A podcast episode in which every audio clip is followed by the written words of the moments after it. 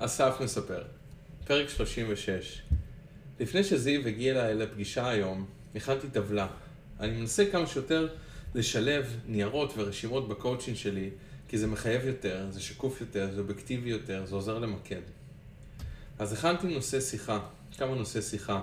אחד, מה עד כה בתהליך ובעשייה טוב? נעלה ביחד פידבק. מה עד כה בתהליך ובעשייה פחות טוב? נעלה ביחד פידבק. שלוש, לדבר על הטבלה ומה היה טוב ומה אפשר לשפר. זו הטבלה שעשינו פעם שעברה, באחת הפעמים. ארבע, לדבר על אופי וסוג אישיות, כלומר סגנון של איך לעשות דברים, מה אפשר לשפר, מה אולי קשה לשפר וצריך למצוא פתרונות יצירתיים אחרים. ואפילו לדבר גם על מה כדאי לוותר. למשל, לוותר על דברים מסוימים, ואולי לפנות זמן ואנרגיה לדברים אחרים במקום. ואז הסתכלתי על הטבלה שהוא עשה, ושמתי לב שהוא עושה הרבה דברים, ועבד הרבה שעות, ומתקדם. באתי לטבלה באווירה שלילית וביקורתית, לראות מה לא בסדר, ואני רואה שתכלס הוא לא רע, בכלל. לא מושלם, אבל נחמד מאוד, ממש טוב, אפילו טוב פלוס. יאללה, איזה כיף. הפסקתי לכתוב את הפרק, כי זיו הגיע אליי לפגישה. ועכשיו, אחרי שסיימנו והוא הלך, אז אני ממשיך לרשום.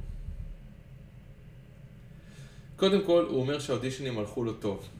והוא אומר שהוא השיג תלמידה לקלרינט, ותלמיד פרטי לעברית. ישבנו ודיברנו על הדברים הטובים והפחות טובים, וגילינו שיש המון טובים ודברים מתקדמים. כמובן, יש גם מקום לשיפור. עם כל הקואוצ'ין וההדרכה שלי והרצון לשפר, צריך גם לזכור ולהכיר את הדברים הטובים. זה חלק ממה שנותן את המוטיבציה. אני חושב שהטבלה עוזרת ונותנת לנו בסיס טוב לעבודה ולשיתוף העבודה בינינו, וגם משקפת טוב את המציאות. אפשר, איפה אפשר ככה לעבוד יותר ואיפה כדאי לשנות. אמרתי לזיו שכל בן אדם הוא שונה והוא צריך לנסות למצוא עוד דרכים שהוא אוהב כדי לעשות את הדברים שהוא רוצה. לסגל קצת הרגלים שונים. למשל, להתנות פעולה אחת בפעולה אחרת. זה תרגיל ידוע. כל פעם למשל שאתה עושה פיפי, אז ישר אחרי זה לעשות עשר שכיבות צמיחה. אז אפשר לנסות להכיל את התרגיל הזה על אזורים אחרים שהוא גם צריך בהם דחיפה. למשל, כל פעם שהוא עושה משהו, השלם את החסר, הוא צריך לבחור מה, אז הוא גם עושה פוסט בפייסבוק למשל.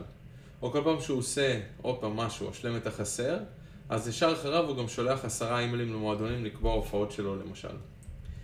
הפרק הזה, אולי זה גם תזכורת לעצמי שחשוב להמשיך לפעול, להאמין, להתמיד, לנסות דרכים שונות, ולאט לאט דברים קורים ומתפתחים.